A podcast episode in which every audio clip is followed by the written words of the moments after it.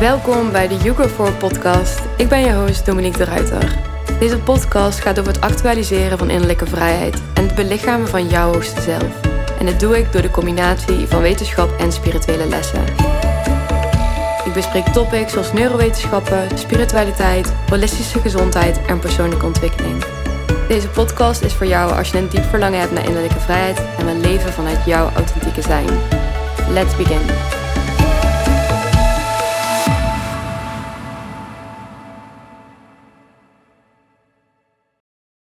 Welkom bij weer een nieuwe Yuger 4 podcast aflevering. Ik ben super blij dat je weer luistert vandaag. Of dit nou de allereerste keer is dat je naar een podcast aflevering luistert van mij. Of dat je al meerdere afleveringen hebt beluisterd. Ik ben voor ieder van jullie ontzettend dankbaar. En ik vind het zo goed dat jullie de tijd en de ruimte nemen om te luisteren naar deze topics. En om de kennis en de tools en de inspiratie op te nemen, zodat jij er ook weer van kan leren. En dat jij ook weer deze kennis aan anderen kan verspreiden. In deze podcastaflevering ga ik het hebben over tegenslagen. En we kennen ze allemaal. We hebben allemaal te maken met tegenslagen. We hebben allemaal te maken met ups en downs. En ieder van ons gaat daar weer anders, uh, anders mee om. En in deze podcast wil ik je vooral meenemen in mijn betekenis van tegenslagen en hoe die door de tijd heen is veranderd. Is er één ultieme oplossing om te dealen met tegenslagen? Is er één ultieme practice waardoor je uit die donkere momenten kan stappen? Ik geloof het zelf van niet. Ik geloof ook daarin dat we simpelweg niet altijd iets aan kunnen of moeten willen doen. Ik weet dat dat ook wellicht een beetje controversieel klinkt, want je wil natuurlijk niet blijven hangen in tegenslagen. Maar laten we er vooral ook niet continu uit willen haasten, want ook dat heeft consequenties. Dus in deze podcast neem ik je mee in mijn laatste tegenslag, mijn meest recente tegenslag. Hoe ik daarmee om ben gegaan en welke lessen ik eruit heb geleerd. Dus ik heb het een beetje gekaderd tot vier lessen. Ik geloof dat ik altijd veel meer lessen leer. Maar dit zijn eigenlijk wel de vier meest belangrijke lessen die ik er heb geleerd van mijn meest recente tegenslag. En deze podcast is niet bedoeld om jou een one size fits all oplossing te geven, want die bestaat naar mijn mening sowieso niet. Maar wel neem ik je mee in mijn visie op tegenslagen. Wat ik dus persoonlijk doe om om te gaan met die tegenslagen. En ja, zodat jij er ook al dingetjes uit kan halen die jou ook weer helpen om om te gaan met de minder mooie kanten van het leven. En voordat ik je meer vertel over mijn eigen ervaring uh, met dus tegenslagen, wil ik het eerst kort hebben over de betekenis van tegenslagen in de huidige maatschappij en hoe deze staat tot de betekenis die ik zelf geef aan tegenslagen. Dus gekeken naar de generaties boven mij en ik weet dat dit niet zo zwart-wit is. En er zit natuurlijk ook een nuance aan, want het is ook weer heel erg invloed door karakter en opvoeding en leefstijlparameters en et cetera. Maar wanneer ik kijk naar de generaties boven mij, dus mijn ouders en grootouders, dan zijn zij vooral geconditioneerd om tegenslagen te zien als een deel van het leven, waarin je principe niet aan kan ontsnappen en waar je ook zeker niet in moet blijven hangen. Dus veel gehoorde spreekwoorden zijn uh, niet bij de pakken neerzitten of schouders eronder. En ik zie deze conditionering zeker niet als slecht. Ik zie deze conditionering eigenlijk als heel erg goed, maar wel incompleet. Deze conditionering zegt mij dat tegenslagen er simpelweg gewoon bij horen. En dat is ook exact wat ik voel. Ik voel dat tegenslagen een inherent deel uitmaakt van mens zijn en dat we ze allemaal nodig hebben. En wat het me ook vertelt is dat wij zelf een invloed kunnen uitoefenen op de wijze waarmee wij omgaan met tegenslagen. En dat aan zich is al een supergoed principe. Het enige probleem aan deze conditionering is dat er weinig ruimte, naar mijn idee, dat weinig ruimte is voor het stukje verwerken en integreren van die tegenslagen. Dus we zien het ook terug in de opvoeding van kinderen uit die tijd. Als je iets fout deed als kind of als er een tegenslag was, dan, dan kreeg je of straf of er gebeurde iets, maar er werd geen uitleg aan gegeven. Er was geen ruimte om te voelen wat dit nou precies met jou doet wat je ermee mag doen, wat dit voor jou precies betekent. Er was weinig ruimte voor evaluatie, dus vanuit die tegenval, ja, vanuit het moment waarop iets tegenvalt of waarin er een fout naar voren komt, werd vooral heel erg gekeken, oké, en nu moeten we meteen verder. En ook daar heb ik heel erg begrip voor, want die generatie was natuurlijk ook heel anders dan de hedendaagse generatie.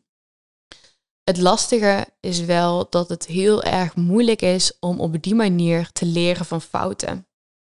Want je hebt geen idee wat uh, je precies hebt fout hebt gedaan. Je hebt geen ruimte voor die verwerking. Je hebt geen ruimte voor die integratie. Waardoor de kans dat je vaker te maken krijgt met dezelfde soort tegenslagen veel groter wordt. Omdat je er onvoldoende van kan leren. Je ziet als het ware niet het volledige potentieel in van de lessen die je kan leren uit die tegenslag. En dit in tegendeel met de jongere generaties. Dus de jongere generaties worden anders opgevoed. Die worden toch wel meer vanuit wat meer zachtheid en wat meer compassie opgevoed. En dat is naar mijn idee heel erg goed nieuws.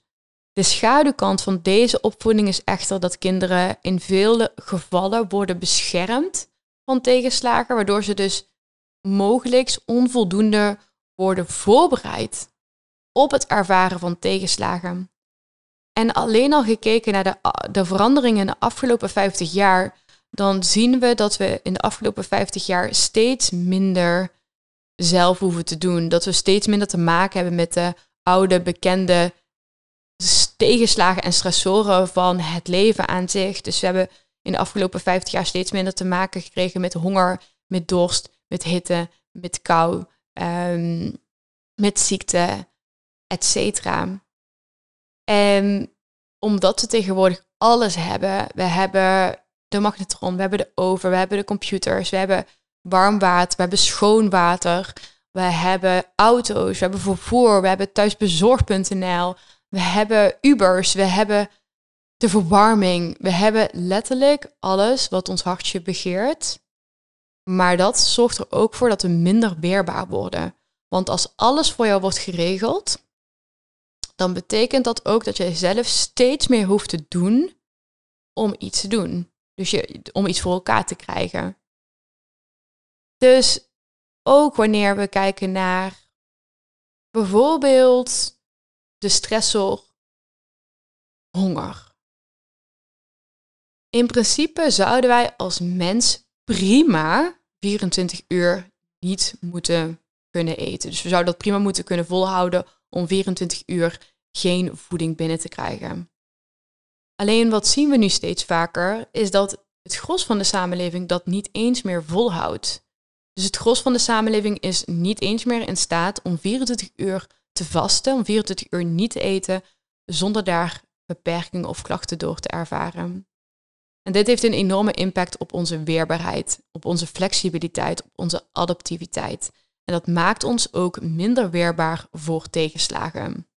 En dit is al helemaal met de opkomst van je kan alles manifesteren cultuur, waarin we het idee krijgen dat we zolang we het kunnen visualiseren en zolang we het kunnen voelen, we alles kunnen bereiken wat ons hart begeert. En nou denk je wellicht, hè, maar Dominique, jij leert toch juist over manifesteren?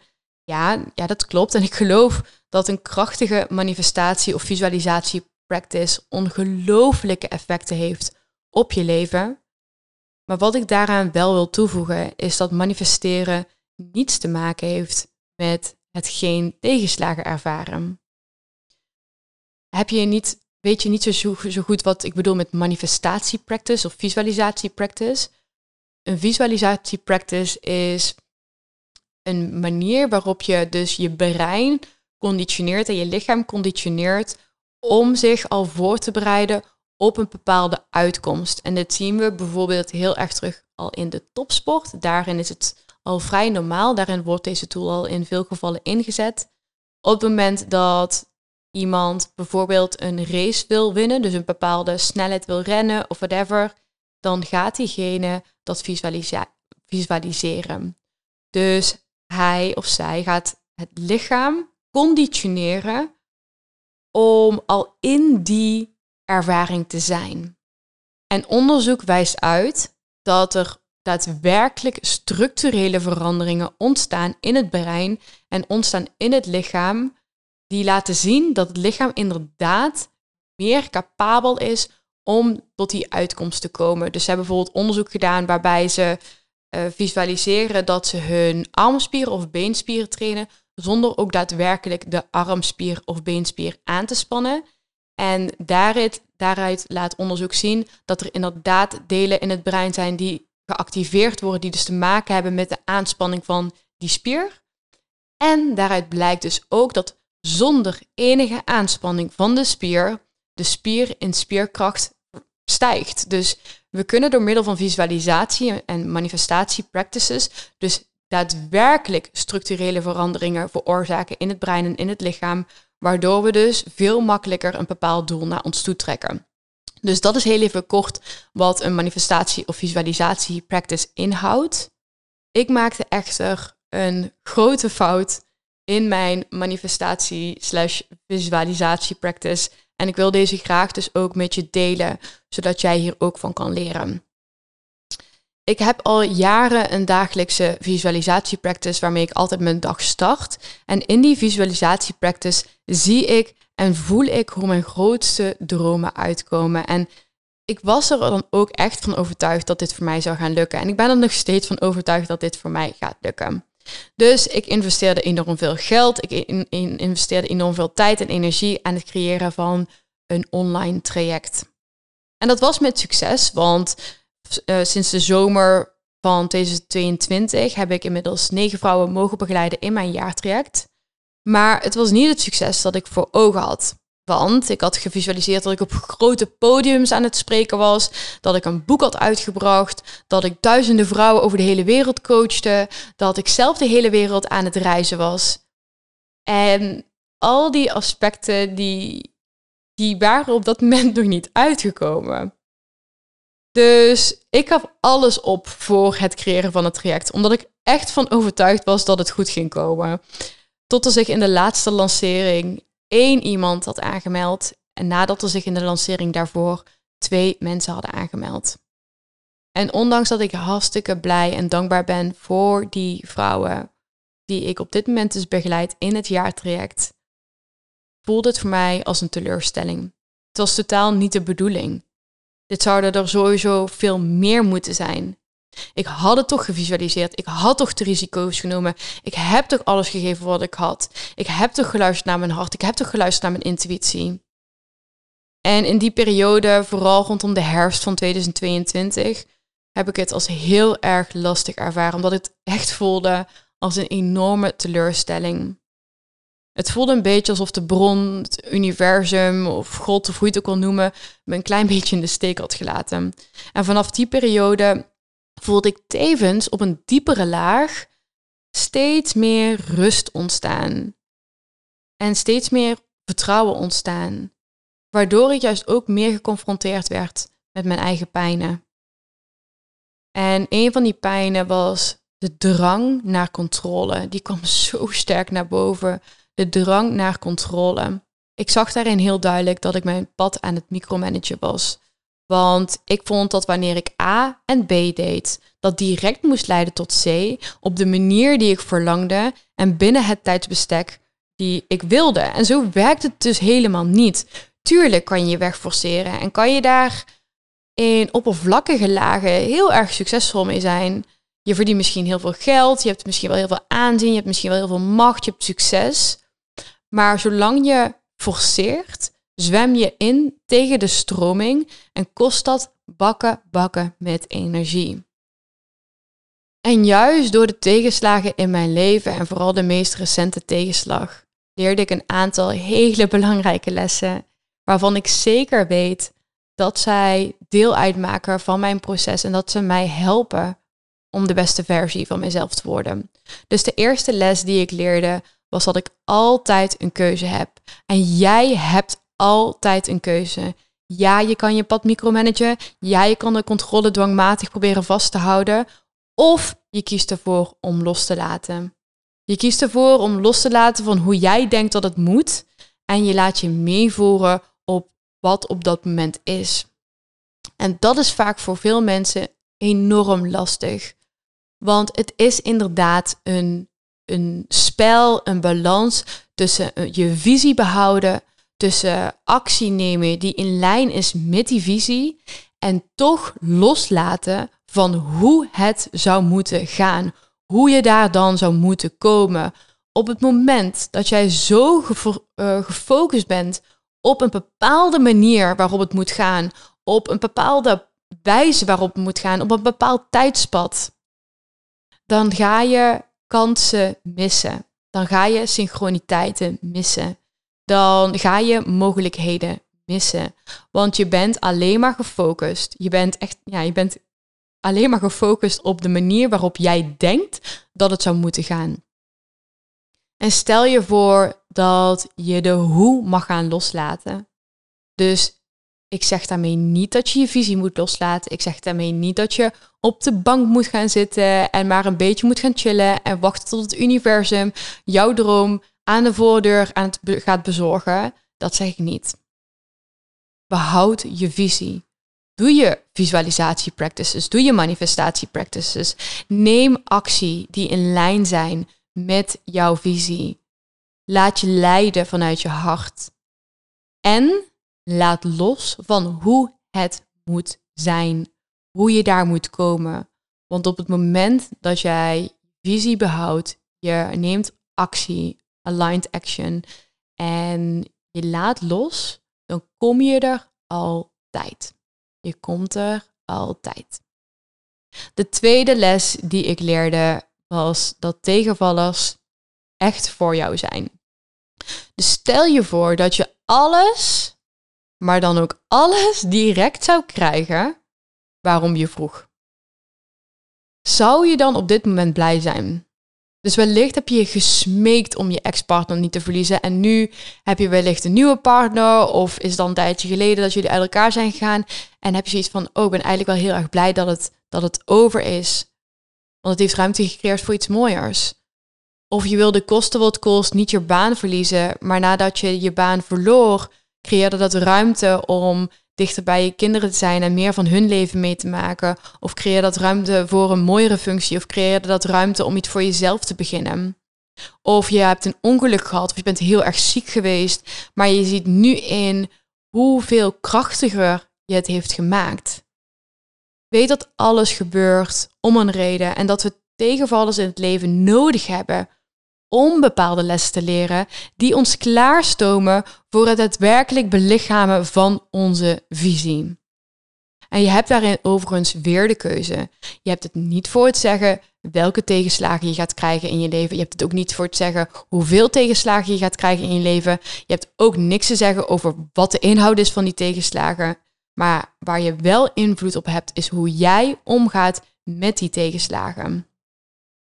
En hoe jij terugkijkt op de minder mooie momenten van het leven.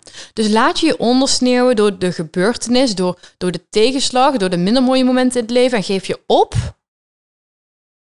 Of kies je ervoor om tegenslagen als een uitdaging te zien om te groeien, om te, om te leren en om te ontwikkelen? Ik heb een hele tijd geleden besloten dat ik het tweede perspectief aanhoud. Dus ik zie tegenslagen als een uitdaging om me te mogen ontwikkelen, om te groeien, om te leren. En het is daarin ook waardevol, want als je eenmaal gaat inzien wat de waarde is van tegenslagen, dan kan je je mind zo shiften dat je zoiets hebt van: oké, laat maar komen. Want ik weet dat ik er alleen maar krachtiger uit ga worden. Ik weet dat ik er alleen maar meer van ga leren. Ik weet dat ik er alleen maar meer quantum leaps door kan gaan maken. Ik weet dat het me dichter brengt bij mijn zielsmissie. De derde les die ik leerde was dat voor alles een goddelijke timing bestaat. Dus stel je voor dat je 1 miljoen euro won op je vijftiende. En je hoefde deze niet te delen met je broertjes, niet met je zusjes, niet met je papa, niet met je mama. Jij kreeg een miljoen euro op je vijftiende. Was de kans dan groot dat je het geld goed investeerde?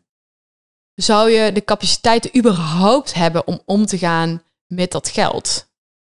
De kans is klein. En niet omdat jij stom bent of dat je dom bent, maar omdat we weten dat rondom jouw vijftiende jouw brein nog onvoldoende is ontwikkeld, waardoor de kans op, om op impulsieve keuzes of korte termijn keuzes veel groter is.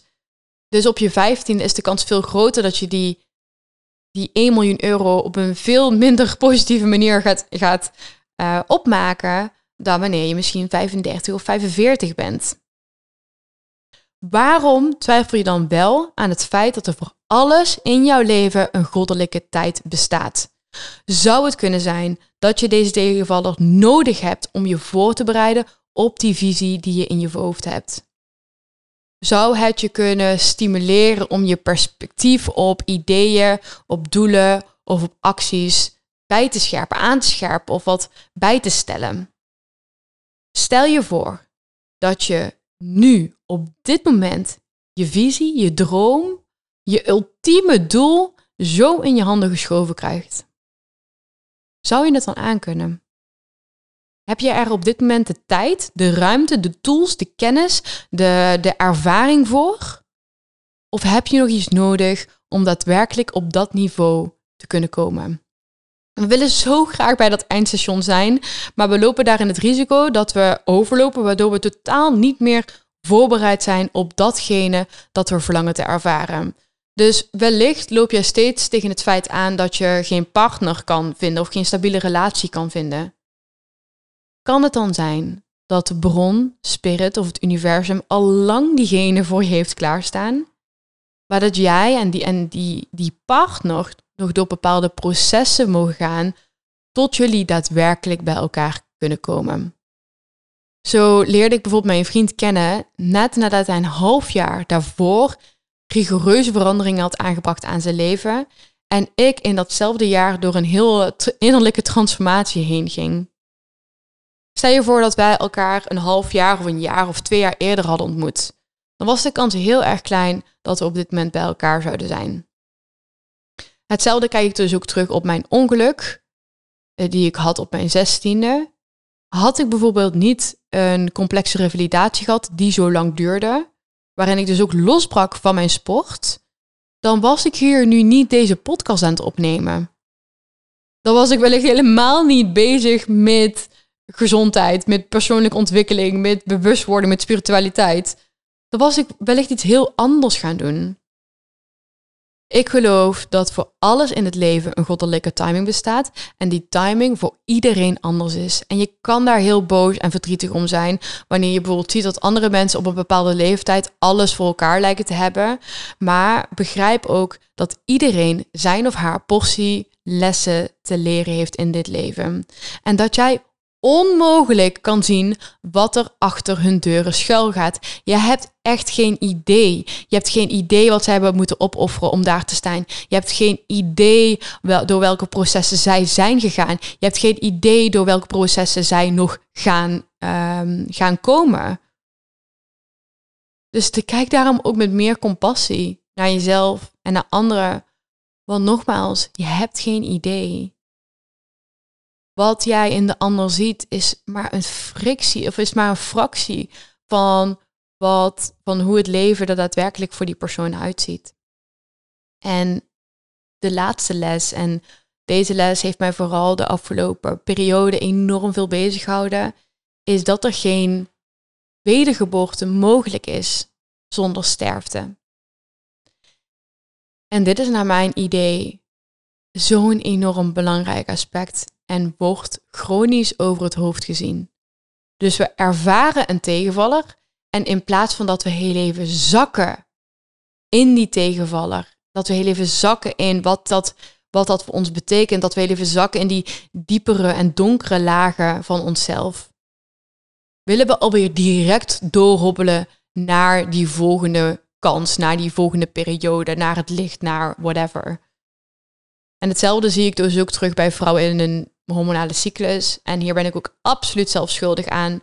Want op de derde dag van mijn menstruatie, wanneer ik ook maar een klein beetje voel dat de energie weer gaat stijgen nadat het dagen laag heeft gezeten, wil ik alweer direct helemaal in actie zijn.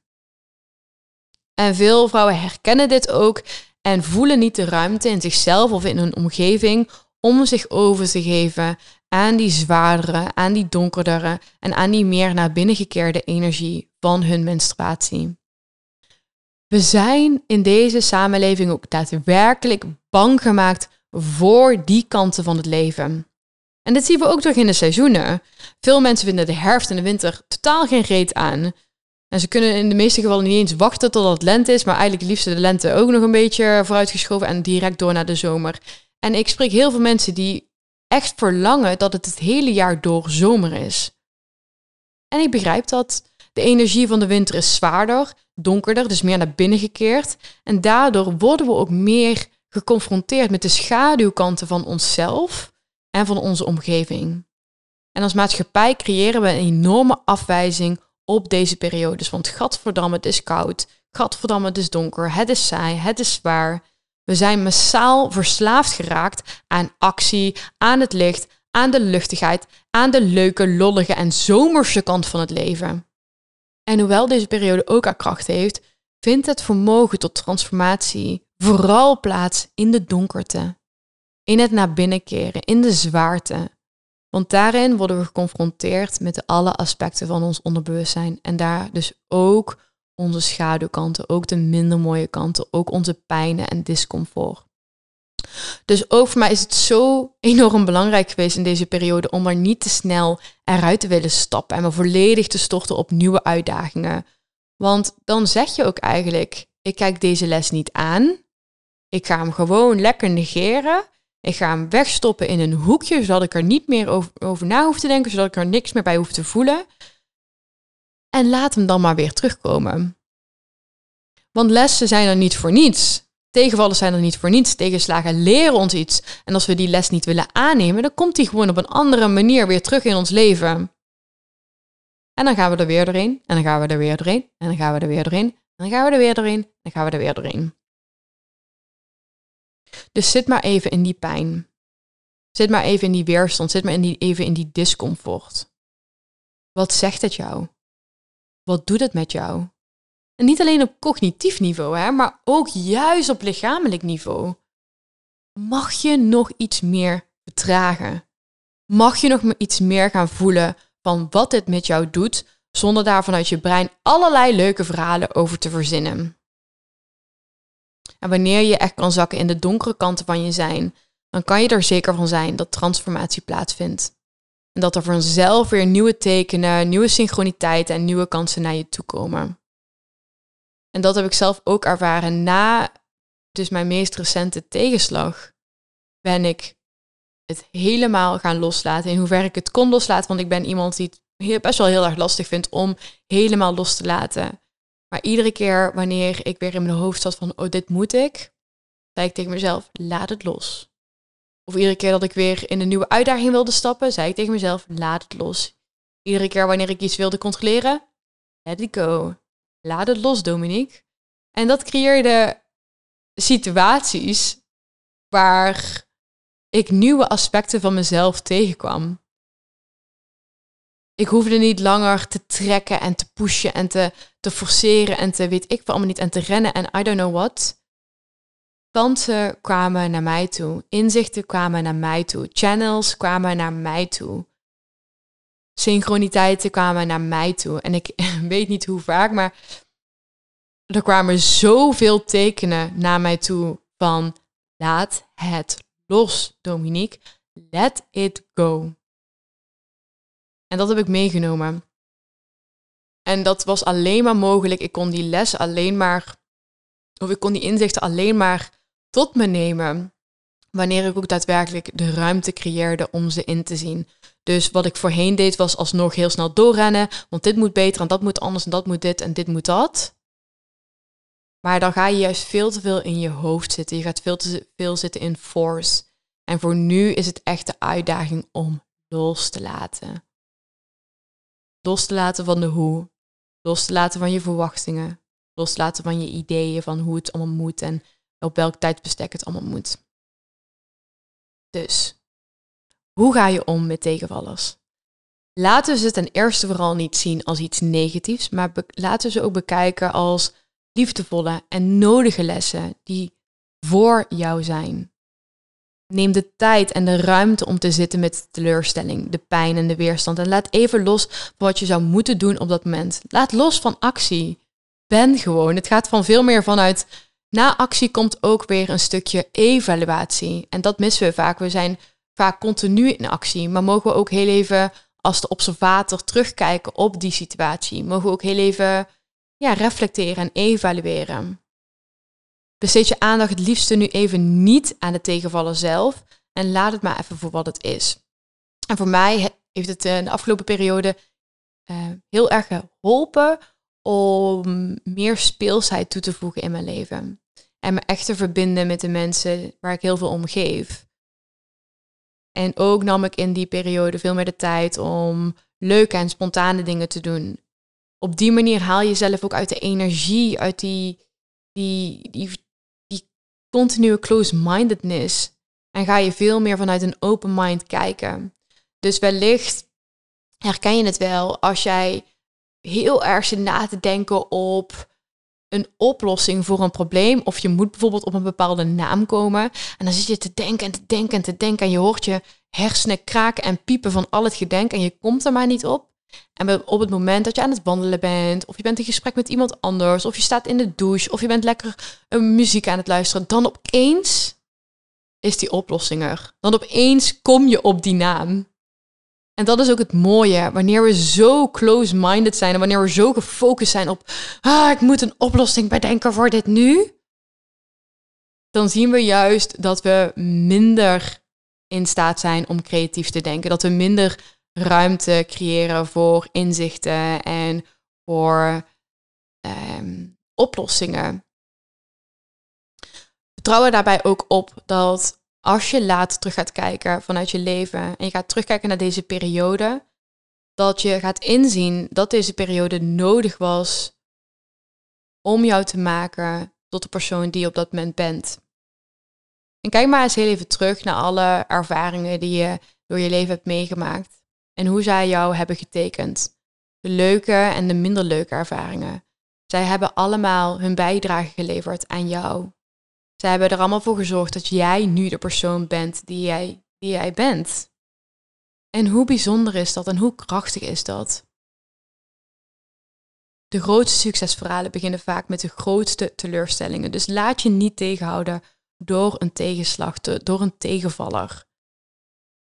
Ik hoop dat deze podcast jou heeft geïnspireerd uh, dat deze podcast je inzicht heeft gegeven om om te gaan met tegenslagen en met de minder mooie momenten in het leven. Waar je ook staat in je leven, wat je ook doet of wat je ook wil, weet dat iedere les bijdraagt aan jouw proces van groei.